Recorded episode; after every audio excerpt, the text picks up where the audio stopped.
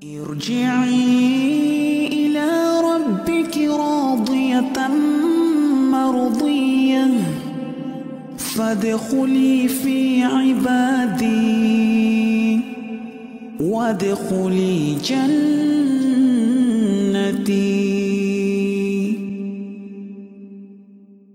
بسم الله الرحمن الرحيم. السلام عليكم ورحمة الله وبركاته. Wa nasta'inuhu wa nastaghfiruh wa na'udzu billahi min shururi anfusina wa min sayyiati a'malina. Man yahdihillahu fala mudilla lahu wa man yudlil fala hadiya lahu. Asyhadu an la ilaha illallah wahdahu la syarika lahu wa asyhadu anna Muhammadan abduhu wa.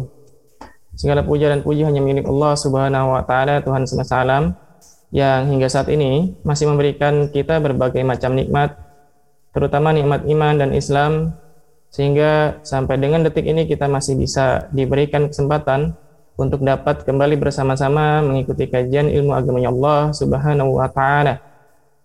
Salawat dan salam senantiasa teriring tercurah kepada suri tauladan kita Nabi Muhammad sallallahu alaihi wasallam serta keluarga, para sahabat dan juga para pengikutnya dan kita berdoa mudah-mudahan kita semua selalu diberi keistiqomahan untuk tetap berdiri tegak di atas agamanya Allah Subhanahu wa taala dan sunnah Rasulullah sallallahu alaihi wasallam.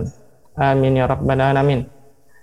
Baik, jemaah kajian sahabat ilmu Darmais, Bapak dan Ibu sekalian yang dirahmati oleh Allah Subhanahu wa taala, kami ucapkan selamat datang kembali di kajian sahabat ilmu Darmais dan insya Allah kita akan melanjutkan kajian kita mengenai fikih Asmaul Husna karya Syekh Abdul Razak bin Abdul Muhsin Hafizullah Ta'ala dan insya Allah kita akan membahas kembali mengenai nama Allah An-Ilah ya. Dan Alhamdulillah Ustadz Abdullah Taslim Hafizullah Ta'ala guru kita telah hadir di tengah-tengah kita. Kita akan langsung saja memulai kajian ini tapi sebelumnya sekali lagi diingatkan pada para jamaah yang ingin e, bertanya bisa langsung dilakukan dari saat ini menggunakan fitur chat atau nanti bisa juga e, bertanya secara langsung di akhir sesi ketika selesai Ustadz memberikan kajian. Baik pada Pak Ustadz Abdullah Taslim, e, dipersilakan pada Pak Ustadz. Tafadhol, barakallahu fiikum. Wafikum warakallah. Assalamualaikum warahmatullahi wabarakatuh. Waalaikumsalam warahmatullahi wabarakatuh. Innal hamdalillah nahmaduhu wa nasta'inuhu wa nastaghfiruh wa na'udzu billahi min shururi anfusina wa min sayyiati a'malina. May yahdihillahu fala mudilla lah wa may yudlil fala hadiyalah. Wa asyhadu an la ilaha illallah wahdahu la syarika lah wa asyhadu anna Muhammadan abduhu wa rasuluh. Allahumma salli wa sallim wa barik ala nabiyyina Muhammad wa ala alihi wa sahbihi wa Alhamdulillah Bapak Ibu Ibu ikhwan dan akhwat fiddin rahimakumullah para peserta kajian sahabat ilmu Darmais rahimakumullah. Alhamdulillah kita bersyukur kepada Allah Subhanahu wa taala atas semua limpahan nikmat dan, dan karunia-Nya Alhamdulillah segala puji bagi Allah Subhanahu wa taala atas nikmat Islam, nikmat iman, nikmat mengikuti sunnah Rasulullah Shallallahu alaihi wasallam yang semoga nikmat ini senantiasa dijaga oleh Allah Subhanahu wa taala pada diri kita sampai di akhir hayat kita. Alhamdulillah kita bertemu kembali di malam hari ini. Dilanjutkan kajian kita membahas kitab yang sangat bermanfaat Fikul Asmaul Husna, fikih atau memahami nama-nama Allah Subhanahu wa taala yang maha indah ya mengkaji pembahasan ilmu yang paling mulia di dalam Islam secara mutlak. Saat ini kita masih melanjutkan pembahasan kitab ini di nama Allah Subhanahu wa taala Allah dan Al-Ilah. Ya, Allah dan Al-Ilah. Saat ini kita akan lihat penjabaran makna dari nama Allah Subhanahu wa taala yang maha indah ini kita lihat Syekh Abdul Razak hafizahullah taala menjelaskan wa amma ma'na hadzal ismi fa asluhu al ilahu al ilahu wa huwa bi ma'nal ma'bud Adapun makna nama Allah ya nama Allah maka asalnya dari nama Allah Al-Ilah. Ya, dari Al-Ilah. La ilaha. Makanya la ilaha lama lama Buddha bihakin tidak ada sembahan yang benar. Maka asalnya adalah dari al-ilahu ya yang maknanya adalah al-ma'bud yang disembah yang diibadai. Ya yang diibadai semata-mata. Wal ilahu ismun min asma'illahil husna. Sementara al ilah juga adalah termasuk nama-nama Allah Subhanahu wa taala yang maha indah. Makanya Allah dan al ilah secara asal makna ya sama. Cuma tentu saja Allah Subhanahu wa taala sudah kita bahas kemarin di pertemuan yang lalu tentang keistimewaan-keistimewaannya yang tidak ada di nama-nama Allah Subhanahu wa taala yang lain. Maka Al-Ilah pun juga termasuk nama-nama Allah yang maha indah ya. Warada fil Qur'anil Karim. Nama ini juga disebutkan di dalam beberapa ayat Al-Qur'an. Misalnya kalau Allah taala di surat Al-Baqarah ayat 163. Al-Baqarah 163 wa ilahukum ilahu wahid la ilaha illa huwar rahmanur rahim. Dan ilah sembahan kalian adalah sembahan yang satu. Tidak ada sembahan yang benar selain dia yang maha pengasih lagi maha penyayang. Al-Baqarah 163 berikutnya At-Taubah ayat 31 wa ma umiru illa liya'budu ilaha wahida La ilaha illa huwa subhanahu amma yusyrikun. Dan tidaklah mereka diperintahkan kecuali agar menyembah kepada ilah, sembahan yang satu. Tidak ada sembahan yang benar selain dia, maha suci Allah dari apa yang mereka persekutukan, dari kesyirikan yang mereka lakukan. Wa ta'ala berikutnya di surat Al-Anbiya ayat 108. Qul innama yuha ilayya annama ilahukum ilahu wahid. Fahal antum muslimun. Katakanlah ya Rasulullah, hanyalah diwahyukan kepadaku bahwa ya ilah sembahan kalian hanyalah sembahan yang satu yaitu Allah Subhanahu wa taala. Fahal antum muslimun maka apakah kalian mau tunduk kepada Allah Subhanahu wa taala? Ini jelas sekali ayat-ayat yang menyebutkan nama Allah Subhanahu wa taala Al-Ilah. Maka ini juga adalah nama Allah yang maha indah yang maknanya dekat dengan nama Allah Subhanahu wa taala Allah. Nah, jadi dari sini kita tahu Allah Al-Ilah asal maknanya dari al-ma'bud yang disembah. Makanya kemarin kita katakan ketika disebut nama Allah itu mencakup semua makna dari nama-nama dan sifat-sifat Allah yang lainnya, maka ini jelas ya sangat erat kaitannya karena ketika Allah Subhanahu wa taala dialah al-ma'bud wahdahu la syarikalah, dialah sembahan satu-satunya. Ya, tidak ada sekutu baginya karena sifat-sifat kesempurnaan yang Allah Subhanahu wa taala miliki hanya ada pada zatnya yang maha mulia.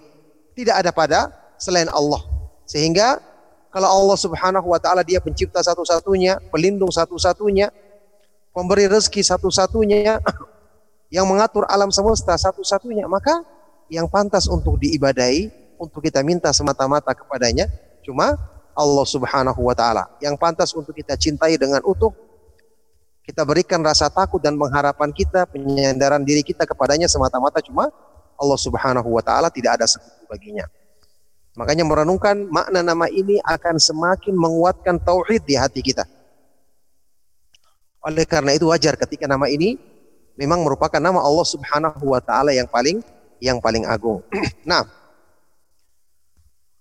Tayyib Syekh Abdul selanjutnya menambahkan di sini hadza wa inna ajma'a wa ahsana ma qila fi ma'na Allah.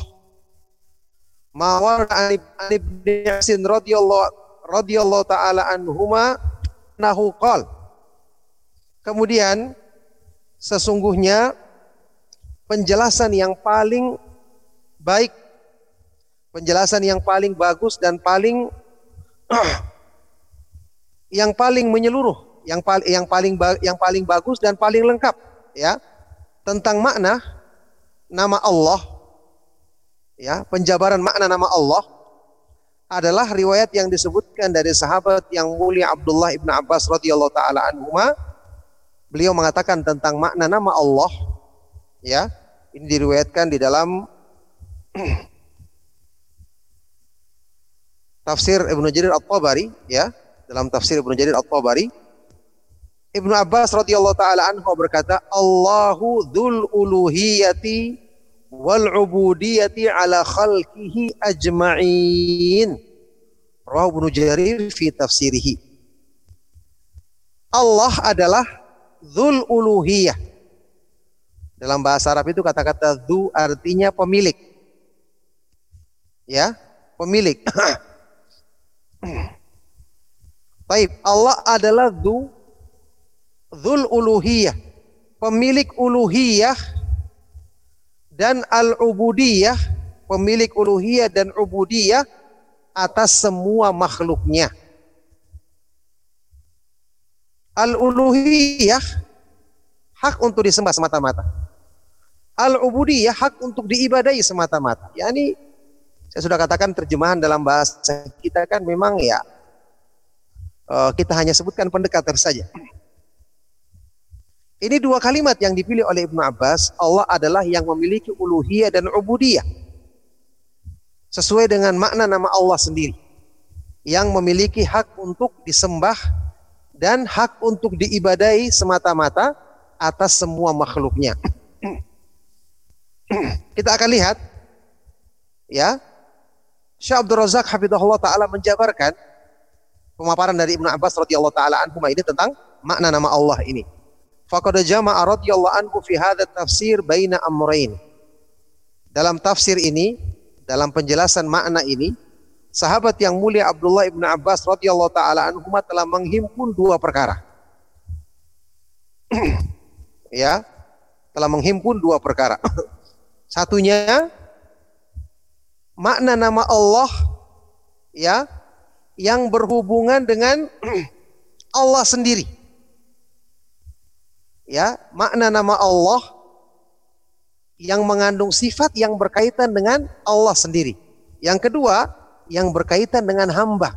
Bagaimana sikap hamba kepada Allah. Begitu. Kita lihat penjabarannya seperti ini.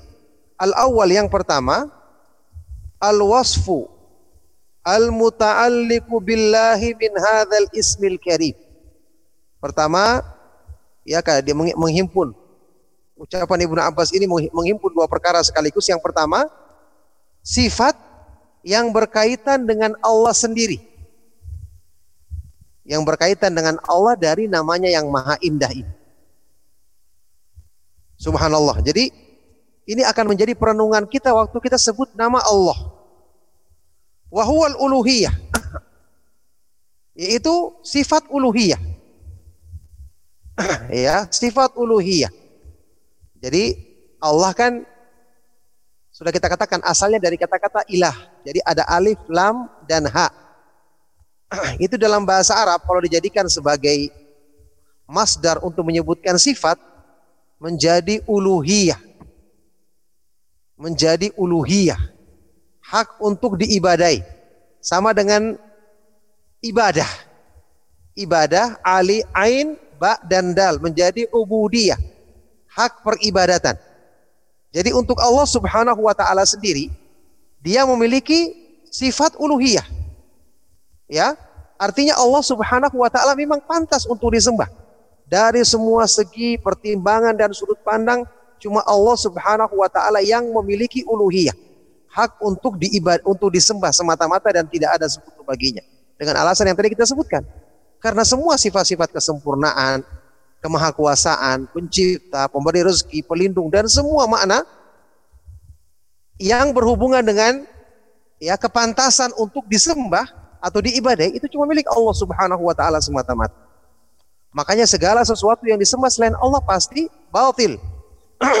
Karena mereka tidak memiliki sifat-sifat keagungan tersebut. Makhluk tidak memilikinya. Makhluk penuh dengan kekurangan dan kelemahan. Makanya Allah Subhanahu wa taala mensifati sembahan-sembahan yang lain dalam Al-Qur'an dengan al-batil, sembahan yang batil yang tidak benar dan tidak pantas. Dzalika bi huwal wa anna ma yad'una min dunihi huwal batil. Yang demikian itu karena Allah Subhanahu wa taala dialah al-haq, sembahan yang benar satu-satunya dan bahwasanya yang mereka sembah selain Allah itu adalah batil. Nah, oleh karena itu di sini ya jamaah sekalian rahimakumullah ikhwan dan akhwat fiddin. Jamaah kajian uh, sahabat ilmu darmais rahimakumullah. Sewaktu kita menyembah Allah itu memang benar-benar harus dari hati kita. Ya bukan karena keterpaksaan. Kita sembah Allah subhanahu wa ta'ala karena memang kita butuh menyembah Allah. Allah subhanahu wa ta'ala memang dialah yang pantas disembah satu-satunya. Dialah yang pantas kita bergantung kepadanya satu-satunya. Dialah yang pantas kita memohon kepadanya karena semua memang dia miliki secara sempurna. Sehingga sewaktu kita beribadah menghambakan diri kepada Allah, ini adalah perkara yang kita lakukan dengan kesadaran dan pertimbangan akal sehat kita. Sehingga orang yang beribadah kepada Allah benar-benar dia menjalankan sesuatu yang sangat melegakan perasaannya. Sebaliknya, penyembahan kepada selain Allah ini adalah jelas kebodohan yang sangat. Ya, kedunguan yang sangat, sangat tidak masuk akal, sangat bertentangan dengan fitrah hati manusia. Sangat menjadikan hati manusia tidak lapang. Bagaimana mungkin makhluk yang lemahnya seperti kita kita sembah? Kita perlakukan seperti makhluk yang sempurna yang tidak ada kekurangan. Dan ini tidak mungkin ada pada makhluk. ya, Makanya Allah Subhanahu wa taala berfirman di dalam Al-Qur'an, "Ya ayyuhan nasu antumul fuqara'u ilallahi wallahu huwal ghaniyul hamid." Wahai sekalian manusia, kalian adalah makhluk-makhluk yang miskin. Yang sangat fakir butuh kepada rahmat Allah. Sedangkan Allah Subhanahu wa taala dialah yang maha kaya lagi maha terpuji. Makanya semakin kita merenungkan makna nama-nama Allah, kita akan semakin menjadikan pikiran kita benar-benar lega ketika kita menerima kita adalah hamba Allah yang harus beribadah kepadanya semata-mata. Benar-benar pikiran kita lega waktu kita berlepas diri dan menolak segala sesuatu bentuk peribadatan kepada selain Allah Subhanahu wa taala. Inilah ibadah yang disyariatkan di dalam Islam ya. yang benar-benar setelah kita pelajari nama-nama Allah Subhanahu wa taala dan sifat-sifat kesempurnaannya, kita akan menerimanya dengan lapang, kita akan merasa ridho Allah sebagai sebagai sembahan kita satu-satunya sehingga kita tidak akan memilih atau mencari sembahan lain selain Allah Subhanahu wa taala. Sudah kita bahas perasaan ridho ini adalah merupakan bukti kesempurnaan, kesempurnaan iman sebagaimana sabda Rasulullah sallallahu alaihi wasallam dalam hadis sahih riwayat Imam Muslim, Dzaqa ta'mal iman man radiya billahi rabban wa bil islami dinan wa bi Muhammadin sallallahu alaihi wasallam rasulah. Akan merasakan kelezatan iman menerima dengan lapang Allah sebagai robnya, sebagai sembahannya satu-satunya. Tidak akan mencari yang lainnya. Islam sebagai agamanya dan Nabi Muhammad Sallallahu Alaihi Wasallam sebagai Nabi dan Rasulnya sebagai imam dan panutan satu-satunya. Subhanallah inilah pelajaran penting dari masalah akidah yang ternyata setelah kita renungkan benar-benar akan mudah diterima oleh hati kita dan dengan kita menerimanya dengan lapang ini akan memudahkan hati kita untuk senantiasa berpegang teguh dengan keyakinan ini sampai di akhir hayat kita insya Allah. Nah, Taib. Wa huwa al-uluhiyatul lati hiya wasfuhu ad-dalu 'alaiha lafdu Allah. Yaitu sifat uluhiyah. Yang merupakan sifat yang ditunjuk yang ditunjukkan oleh nama Allah. Oleh namanya Allah. Ya nama Allah yaitu Allah. Kama dalla alal ilmi alladhi huwa wasfuhu lafdul alim. Sebagaimana kalau disebut al alim maha berilmu menunjukkan sifat Al-ilmu.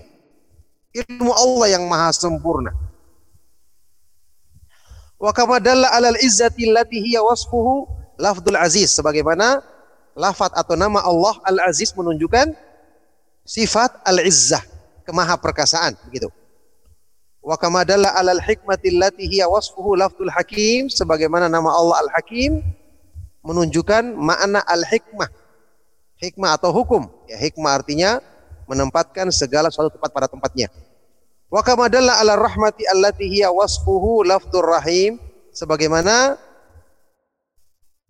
ya, menunjukkan makna rahmat, sifat rahmat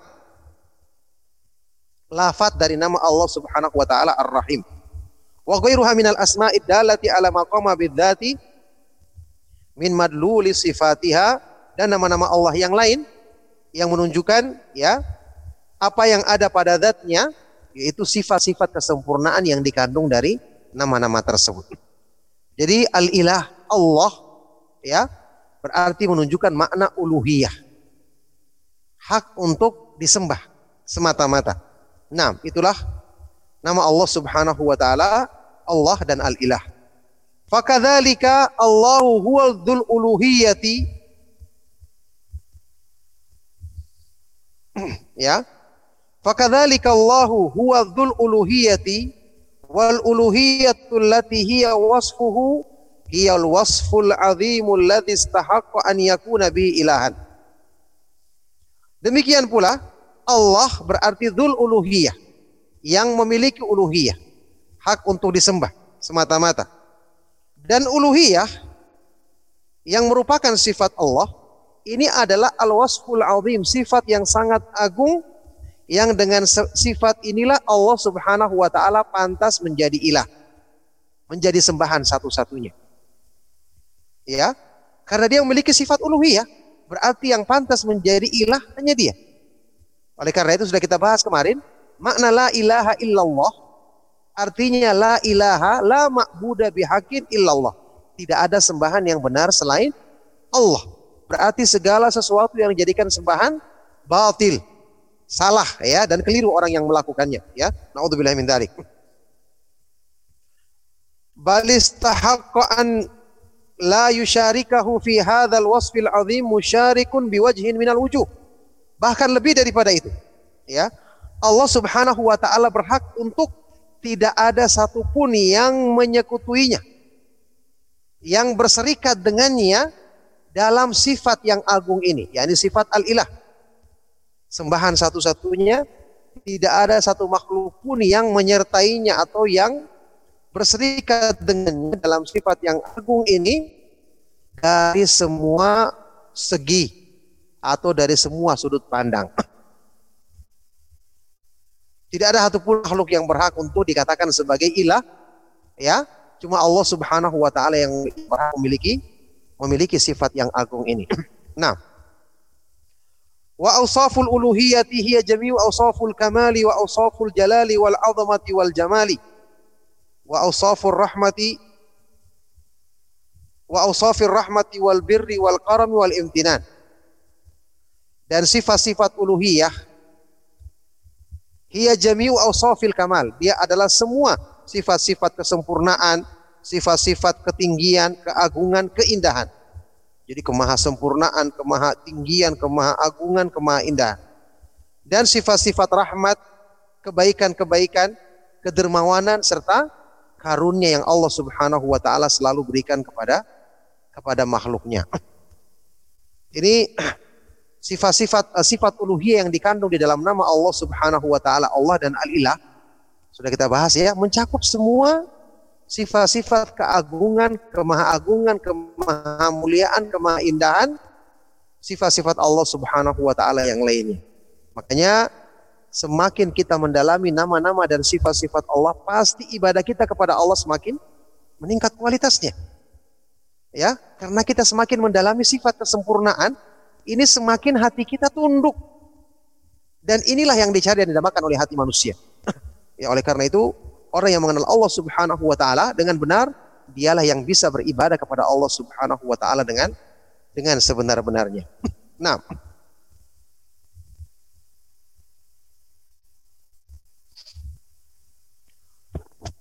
fa inna hadhihi sifati hiya hiya allati yastahiqu an yu'laha wa yu'bada li ajliha. fayu'lahu li'anna lahu awsafal 'azamati wal kibriyai. Wa yu'lahu li'annahu al-mutafarridu bil qayyumiyyati war rububiyyati wal mulki was sultan karena sesungguhnya sifat-sifat ini adalah sifat-sifat yang dengan inilah Allah Subhanahu wa taala berhak untuk diibadai dan disembah karenanya. Ya, karena sifat-sifat keagungan dan kemuliaan inilah Allah Subhanahu wa taala berhak untuk disembah dan diibadai satu-satunya. Fayu'lahu maka Allah disembah karena karena dia memiliki sifat-sifat keagungan, kemahabesaran, wa yu'lahu dan Allah disembah karena dialah yang satu-satunya memiliki al-qayyumiyah, maha menegakkan makhluknya. Ar-rububiyah, maha menciptakan dan mengatur makhluknya. Al-muluk, maha memiliki kekuasaan alam semesta beserta isinya. As-sultan, maha memiliki kerajaan. Ya, wa yu'lahu li'annahu al-mutafarridu birrahmati wa isalin ni'amil zahirati wal batinati ila jami'i khalqihi Allah disembah karena dialah satu-satunya yang memiliki rahmat menyampaikan berbagai macam nikmat yang lahir maupun yang batin kepada semua makhluknya wa yu'lahu li'annahu al-muhitu bi kulli syai'in ilman wa hukman wa hikmatan wa ihsanan wa rahmatan wa qudratan wa izzatan wa qahran. Allah Subhanahu wa taala disembah karena dialah yang meliputi segala sesuatu dengan ilmunya, dengan hukumnya, hikmahnya, kebaikan-kebaikannya, rahmatnya, kemahakuasaannya, kemahaperkasaannya, wa qahran dan kemaha perkasaannya, kemahakuasaannya. Yani mau dari sudut pandang apa saja. Ya. Kalau dari pertimbangan Allah Subhanahu wa taala memiliki sifat-sifat yang berhubungan dengan kebaikan. Allah adalah Al-Muhsin, selalu berbuat baik. Ar-Rahman Ar-Rahim, Maha Pengasih lagi Maha Penyayang. Al-Manan, Maha Pemberi Karunia. Al-Wahhab, Maha Pemberi Anugerah. Dari sisi ini saja, karena dialah yang selalu melimpahkan rahmat, melimpahkan berbagai macam kebaikan, dari sisi ini pantas Allah Subhanahu wa taala disembah semata-mata dan tidak ada sekutu baginya. Kemudian dari sisi yang berhubungan dengan sifat-sifat kemahakuatan, kemahaperkasaan, tidak ada yang bisa mengalahkannya. Allah memiliki nama Al-Qahar ya, maha perkasa ya ini maha memaksa dia bisa menerapkan apa saja yang diinginkannya kepada semua makhluknya. Dari sisi ini pantas Allah disembah semata-mata karena tidak ada yang bisa mengalahkannya. Tidak ada yang bisa mengalahkan seorang hamba yang apa ini mendapatkan perlindungannya. Dari sisi ini pantas untuk Allah Subhanahu wa taala disembah semata-mata. Kemudian dari sisi lain, maha pencipta, maha pengatur alam semesta, maha pemberi rezeki. Dari sisi ini, karena Allah cuma satu-satunya dia yang memiliki sifat kesempurnaan tersebut, dari ini juga Allah berhak untuk disembah semata-mata dan tidak ada sekutu baginya. Dari pertimbangan apa saja? Semua sifat-sifat kesempurnaan Allah kalau kita renungkan, menjadikan hamba itu semakin yakin bahwa dia pantasnya hanya beribadah kepada Allah Subhanahu wa taala, hanya menyembahnya ditinjau dari semua segi, dari semua sudut pandang. Nah, wa yu'lahu li'annahu al-mutafarridu bil ghina al-mutlaqit tami min jami'il wujuhi. Dan Allah Subhanahu wa taala disembah karena dialah yang satu-satunya yang maha kaya secara mutlak dan sempurna dari semua segi. Kama anna ma siwahu muftakirun ilaihi ala dawami min jami'il wujuhi sebagaimana semua selain Allah, ya ini semua makhluknya selalu muftakirun, miskin dan butuh kepadanya, ya selalu selama-lamanya butuh kepadanya dari semua segi. Makanya kita perhatikan, ya Allah asalnya maha kaya pada zatnya, maha kuat pada zatnya, maha sempurna pada zatnya. Sedangkan makhluk asalnya maha kurang, ya. Yani makhluk selalu kurang, penuh dengan kelemahan, penuh dengan ketidaksempurnaan. Jadi yang seperti ini pasti dia pantasnya hanya bergantung kepada yang maha sempurna, yang maha kaya, yang maha memiliki segala sesuatu. Maka sangat-sangat tidak pantas kalau dia bersandar dan bergantung kepada makhluk yang lemah seperti dirinya. Nah, muftakirun ilaihi fi ijadihi wa tadbirihi, muftakirun ilaihi fi imdadihi wa rizqi.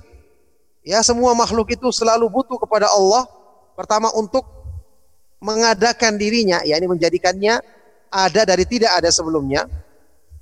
Kemudian untuk mengatur segala urusannya. Makhluk selalu butuh kepada Allah untuk memberikan pertolongan dan rezeki kepadanya. Muftakirun ilaihi fi hajatihi kulliha. Bahkan dia butuh kepada Allah dalam semua hajatnya. Dalam semua keperluannya. Muftakirun ilaihi fi a'zamil hajati wa asyaddid darurati. Bahkan makhluk juga butuh kepada Allah dalam kebutuhannya yang paling besar ya dan keperluannya yang paling darurat wahiyal iftiqaru ila ibadatihi wahdahu wa ta'alluhihi wa ta'alluhi lahu wahdahu yaitu kebutuhan makhluk untuk beribadah dan menyembah kepada Allah Subhanahu wa taala semata-mata. Jadi di sini kita perhatikan ibadah itu ya bukan hanya kita tinjau dari segi kita wajib melakukannya, tidak. Makhluk memang butuh kepada Allah butuh untuk beribadah kepada Allah. Jadi kebutuhan makhluk yang paling besar bukan terhadap makan dan minuman. Memang ini kebutuhan kita yang besar, tapi bukan yang paling besar. Justru kebutuhan kita yang paling besar yang dengan kita memenuhi kebutuhan ini hati kita baru merasakan tenang adalah ibadah. Mengamalkan ketaatan kepada Allah. Nah, ya, yaitu kebutuhan untuk beribadah kepada Allah semata-mata dan menyembahnya semata-mata. Fal uluhiyatu tatadammanu jami'al asma'il husna was sifatil ulia. Maka makna atau sifat uluhiyah Allah terkandung di dalamnya semua nama-nama Allah yang maha indah dan sifat-sifatnya yang maha tinggi. Subhanallah. Jadi dengan ini kita belajar menjadi hamba Allah Subhanahu wa taala yang sejati ya. Kita butuh kepada Allah dalam segala hal. Ya. Dari hal-hal yang kita takutkan kita butuh berlindungnya kepada Allah. Sewaktu kita berlindung kepada Allah dari hal-hal yang kita takutkan caranya juga dengan dekat kepada Allah. Kan saya pernah sebutkan makna sabda atau doa yang diajarkan oleh Rasulullah Shallallahu Alaihi Wasallam yang terkumpul di dalamnya makna penghambaan diri yang sejati. Ketika Rasulullah SAW berdoa seperti ini dalam sebuah doa yang beliau baca, dan ini doa sering diucapkan oleh para imam uh, Haramain, Masjidil Haram, Masjid Nabawi di waktu salat uh, salat malam, ya salat taraweh, ya salat tengah malam, di waktu salat witir begitu ya. Allahumma inni a'udzu biridhaka min sakhatika wa bi mu'afatika min uqubatika wa bika minka.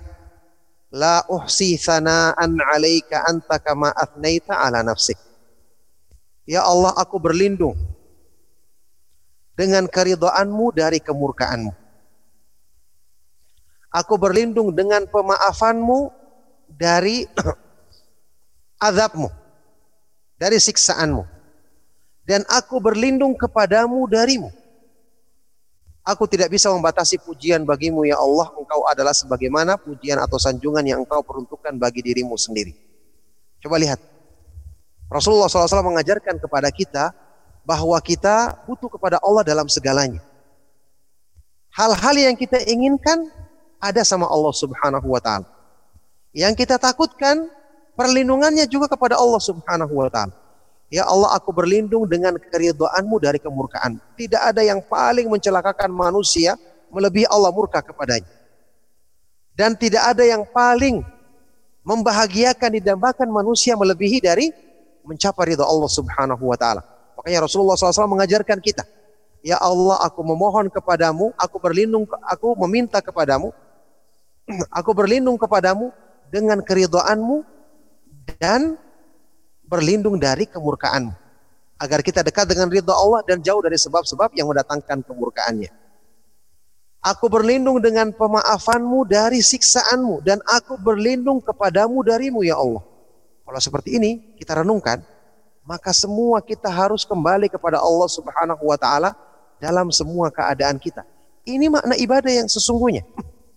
Jadi waktu orang beribadah itu dia merenungkan segala kebutuhannya harus kembali kepada Allah. Tidak ada cara lain. Makanya bukan karena pertimbangan wajib saja orang itu beribadah. Kan sudah kita bahas berkali-kali. Hamba-hamba Allah yang soleh, kenapa mereka berlomba-lomba dalam beribadah? Ya, ulaika yusari'una fil khairati wa hum laha. Mereka adalah orang-orang yang selalu bersegera melaksanakan kebaikan dan berlomba-lomba mengerjakannya.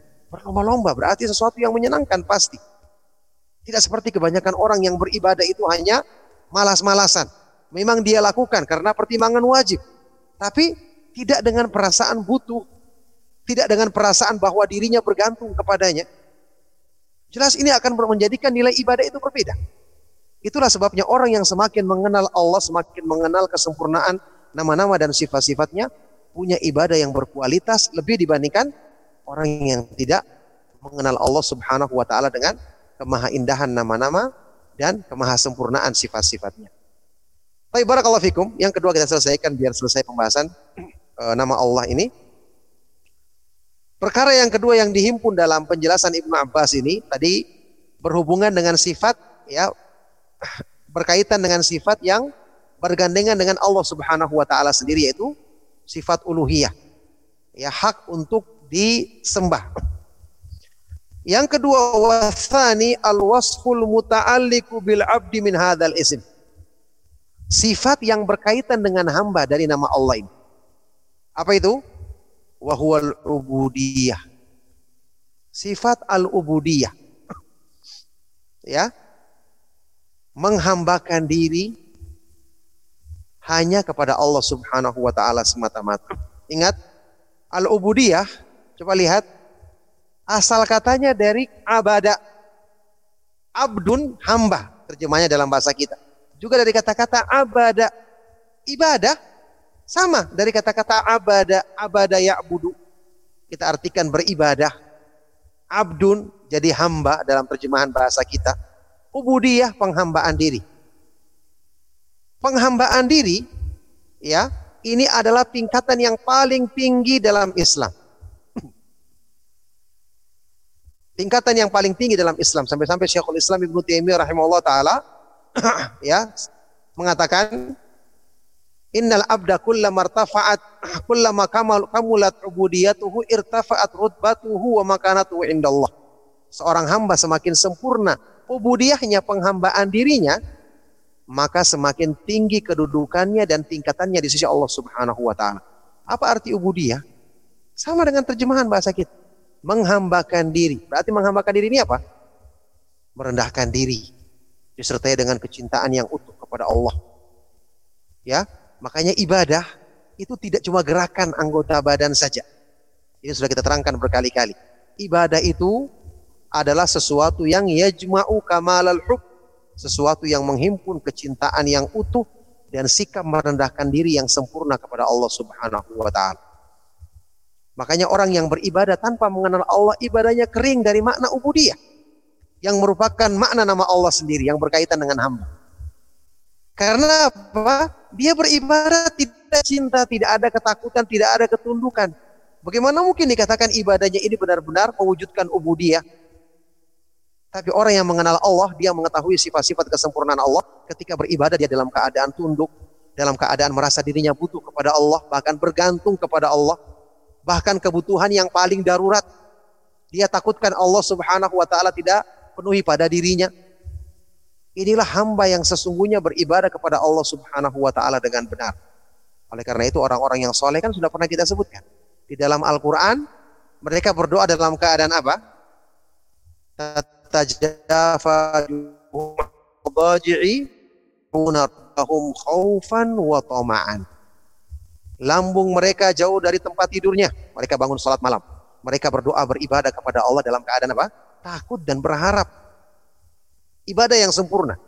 Sudah gerakan anggota badannya rajin menjalankan ketaatan. Disertai dengan perasaan takut dan berharap. Tunduk selalu kepada Allah ya innahum kanu yusari'una fil khairati wa yad'unana ragaban wa rahaban wa kanu laha lana khashiin. Para nabi alaihi wassalam disebutkan dalam surat Al-Anbiya. Mereka adalah orang-orang yang selalu bersegera melakukan kebaikan dan mereka selalu berdoa kepada kami dalam keadaan takut dan berharap dan mereka adalah orang-orang yang selalu tunduk.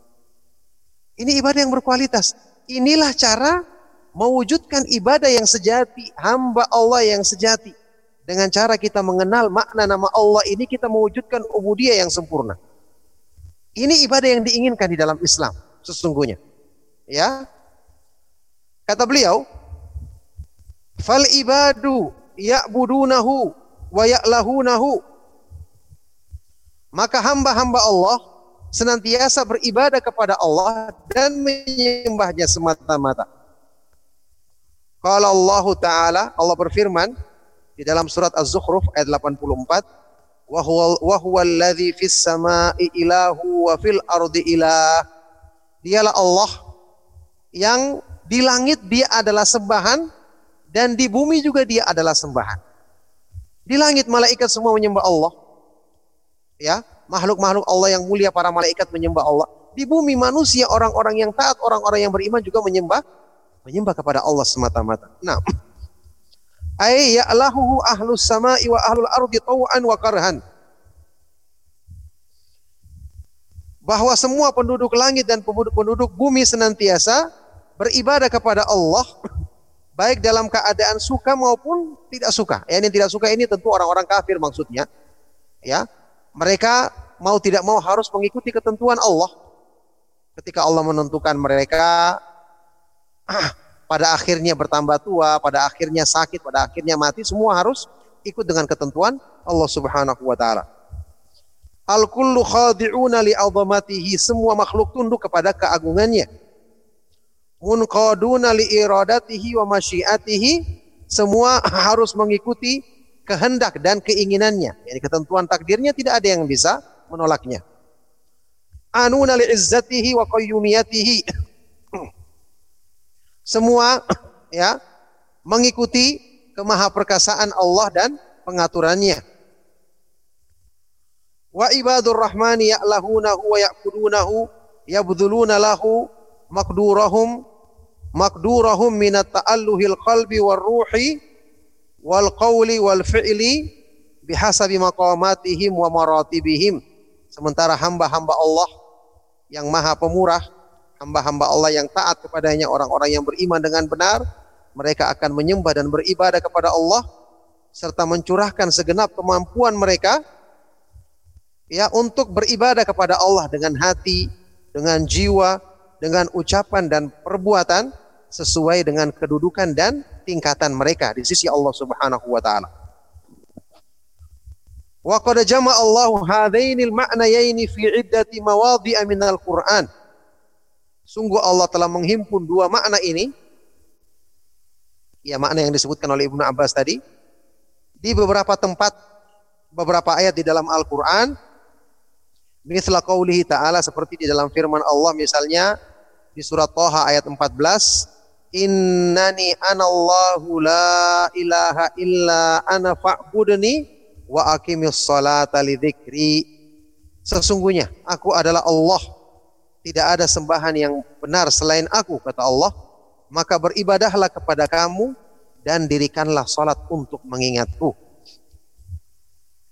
Wa qawlihi juga dalam firman-Nya wa ma wa ma arsalna min qablika min rasulin illa nuhi ilaihi annahu annahu la ilaha illa ana fa'budun dan tidaklah kami mengutus sebelummu wahai Rasulullah, wahai Nabi Muhammad sallallahu alaihi wasallam, seorang rasul pun kecuali kami wahyukan kepadanya bahwasanya tidak ada sembahan yang benar selain aku, selain Allah Subhanahu wa taala, maka beribadahlah kalian kepadaku semata-mata.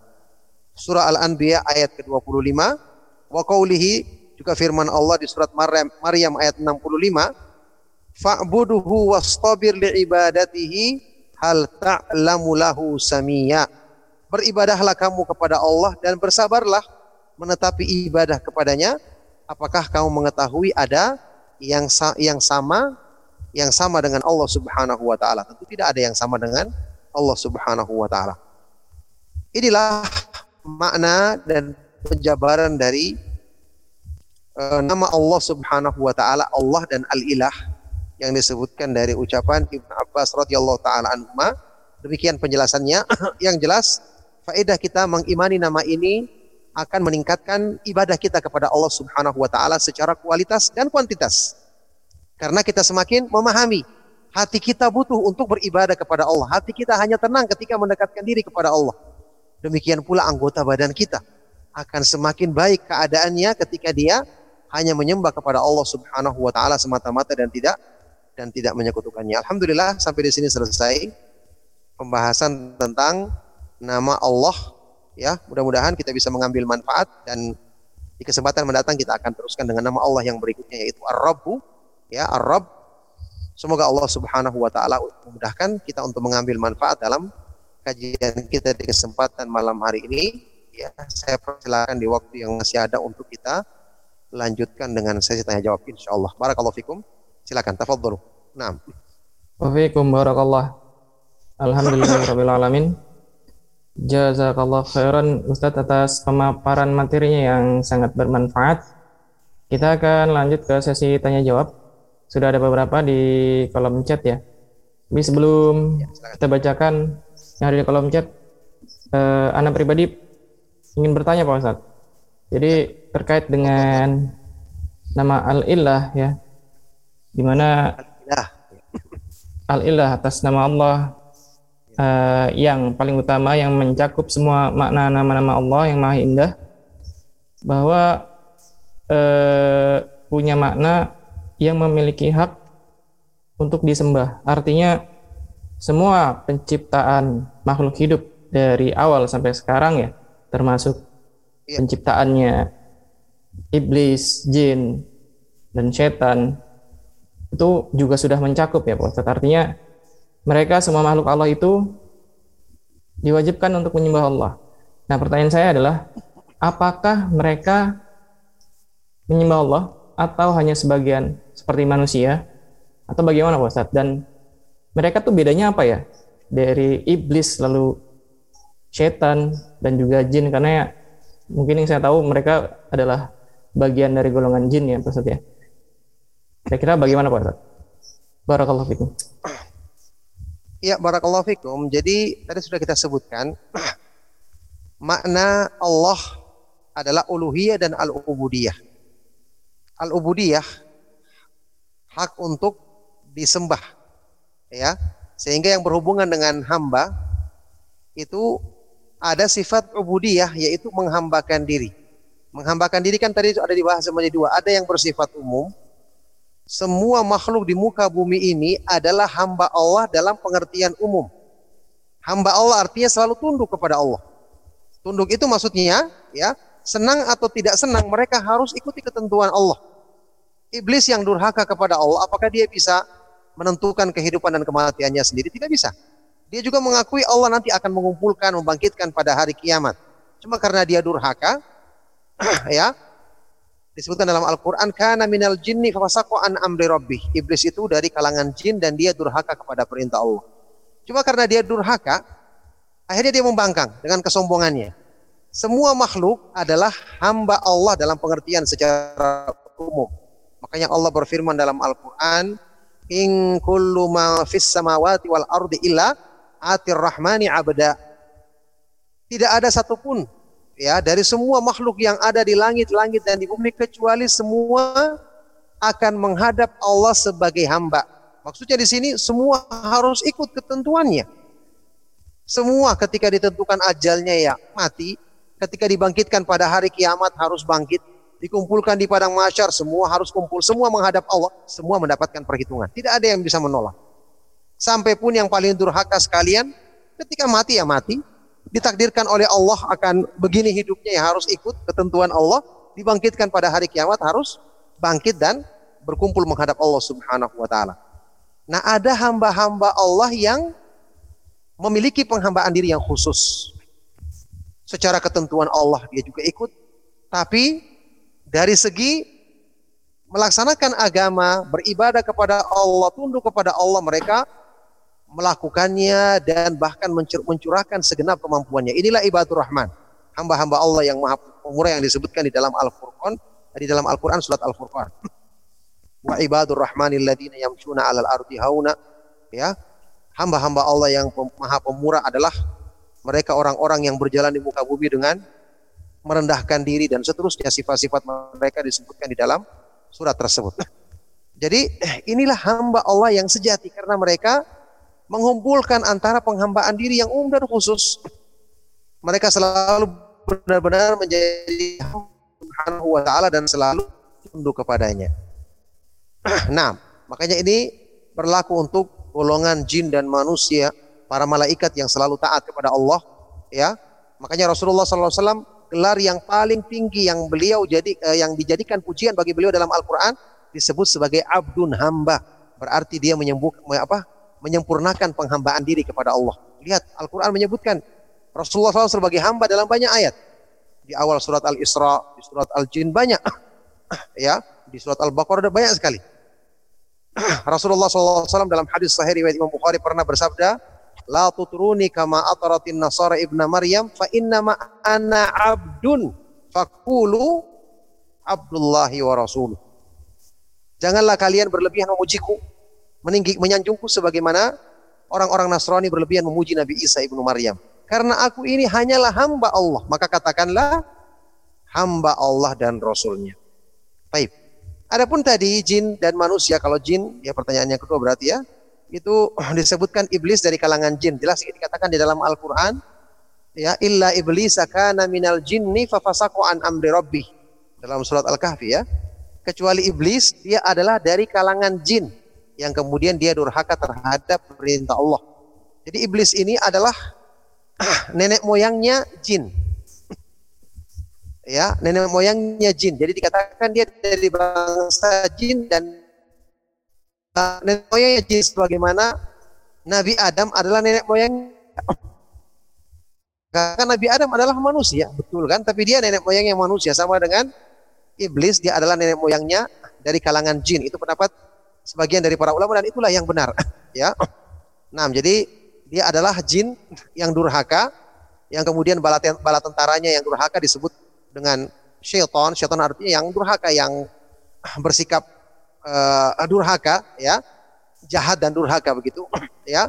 Oleh karena itu uh, jin sendiri kita ketahui ada jin muslim, ada jin yang durhaka yang mengikuti nenek moyangnya itu iblis ya. Dalam Al-Qur'an surat Al-Jin kan disebutkan wa anna minna salihuna wa anna minnal muslimuna wa minnal qasitun. Di antara kami kata para jin ada yang muslim ada yang menyimpang ya.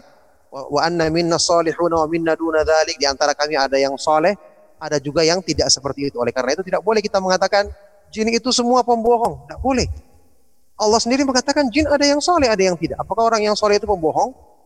Tidak boleh. Jadi kita katakan jin yang durhaka atau jin yang mengikuti syaitan atau yang berupa syaitan inilah yang durhaka, yang pembohong dan seterusnya. Adapun jin muslim tentu memiliki sifat-sifat yang baik sebagaimana sifat orang muslim. Nah, barakallahu fikum.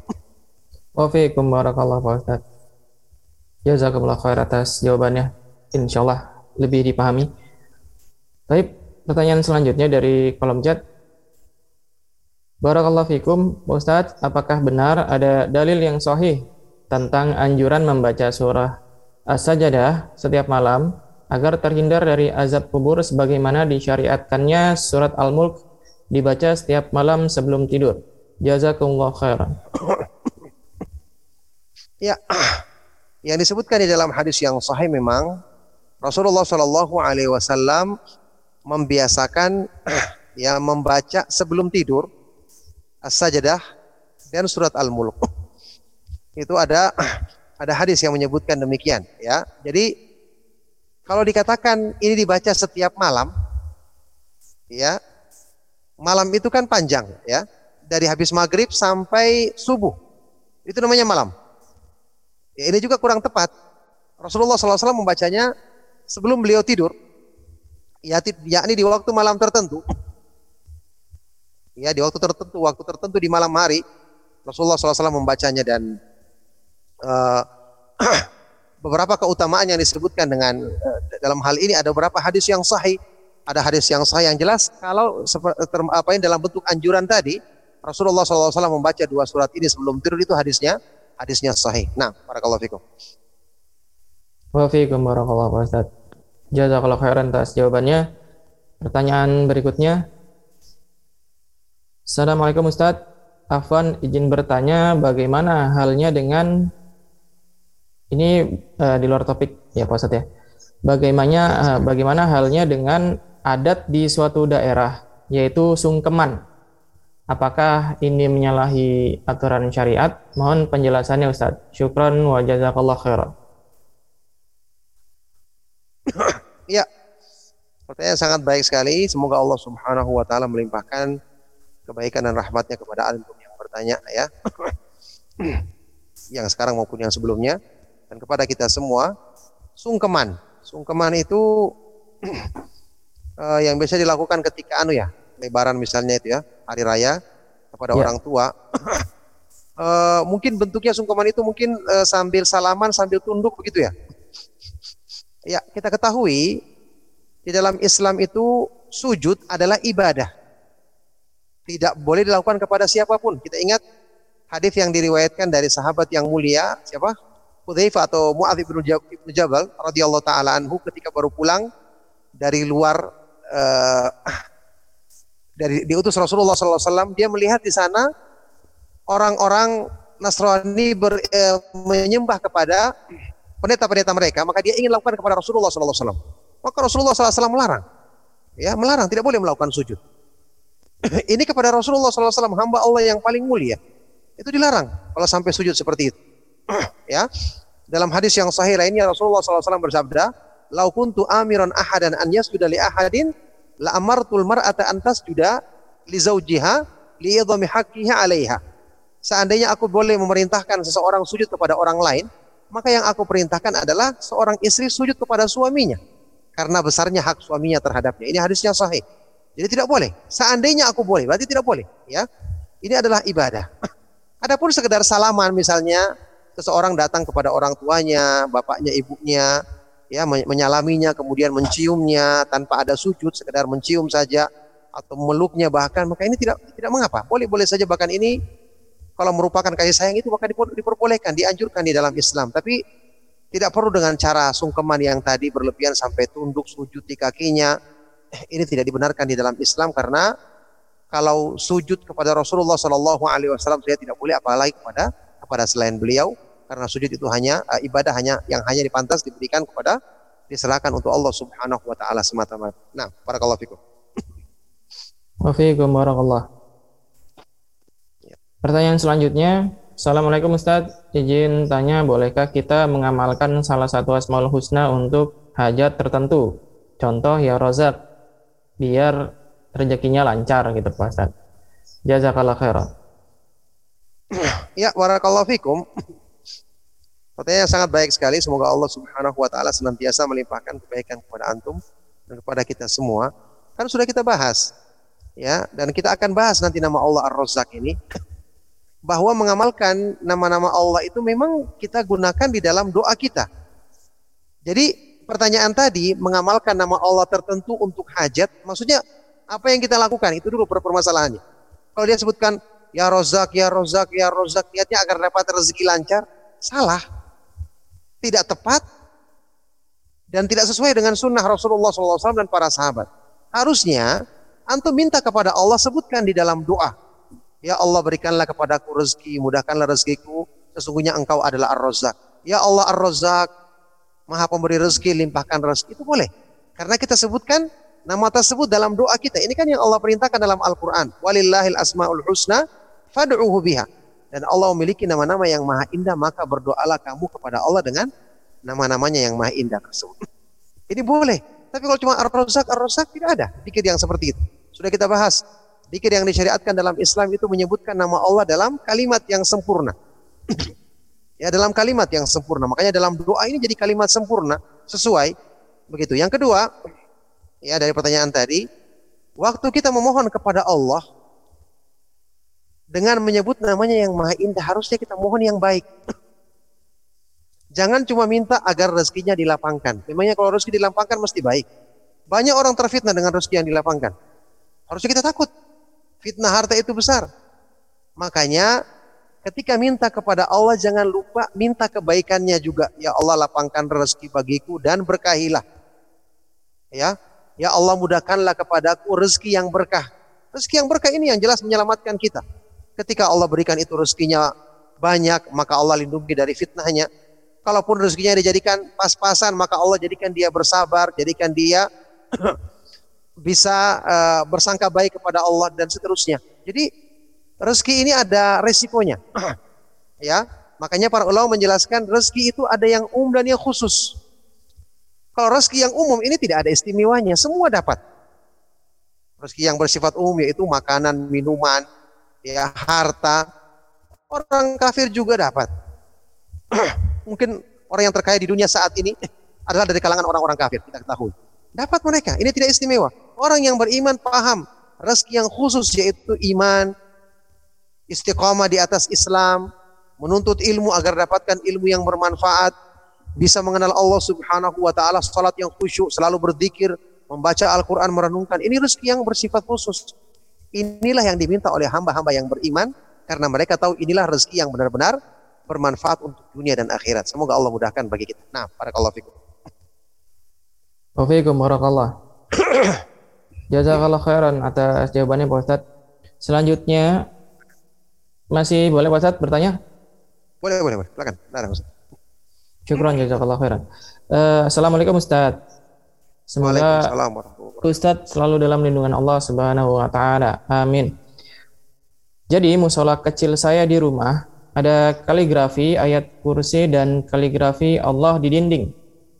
Bolehkah saya menggantungnya Ustadz dan eh, menggantung di bagian kiblatnya? Bagaimana Pak Ustadz pendapatnya? Syukron jazakallahu khairan. Oh, maaf, uh, terputus tadi, kurang jelas. Putus, afwan, afwan. Ana ulang Pak Ustadz ya. ya. Jadi eh, musola kecil saya di rumah ada kaligrafi ayat kursi dan kaligrafi nama Allah di dinding. Bolehkah saya menggantungnya dan di posisinya itu di bagian kiblatnya Pak Ustadz? Oh. Afan ya kayaknya Pak Ustadz terlempar. Kita tunggu sebentar. Ya, silakan. Ya, terdengar Pak Ustadz tadi? Ya, terdengar. Ya, silakan okay. bertanya ulang-ulang, diulang. Diulang lagi ya Pak Ustadz ya. Jadi di musola kecil saya di rumah ada tulisan kaligrafi ayat kursi dan kaligrafi nama Allah yang menggantung di bagian kiblatnya. Nah, kira-kira itu diperbolehkan tidak Ustadz?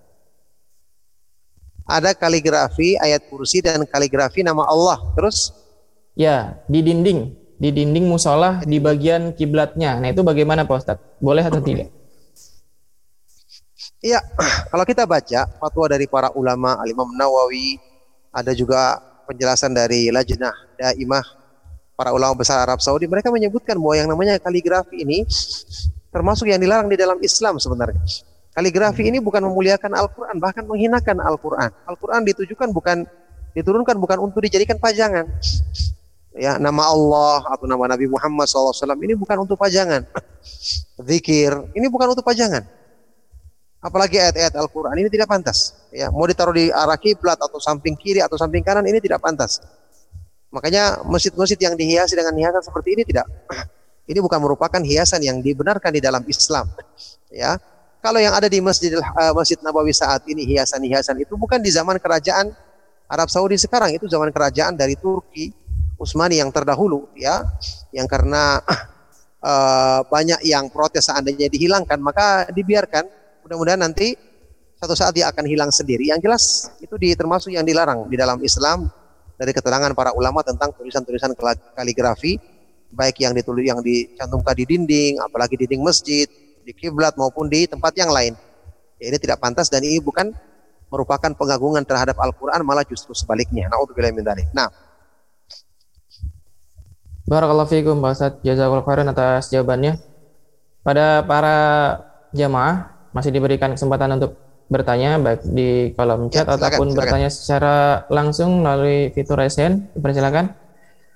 Kalau sudah tidak ada, maka akan kami serahkan kepada Pak Ustadz untuk memberikan kesimpulan pembahasan materi kita pada malam hari ini Pak Ustadz. Baik, tampaknya tidak ada lagi Pak Ustadz ya. Jadi mohon untuk diberikan kesimpulan pada kami Pak Ustadz. Tafadol. Ya, barakallahu fikum. Alhamdulillah tadi kita telah selesaikan pembahasan dari nama Allah Subhanahu wa taala Allah dan Al-Ilah. Insyaallah untuk beri Barakallahu fikum.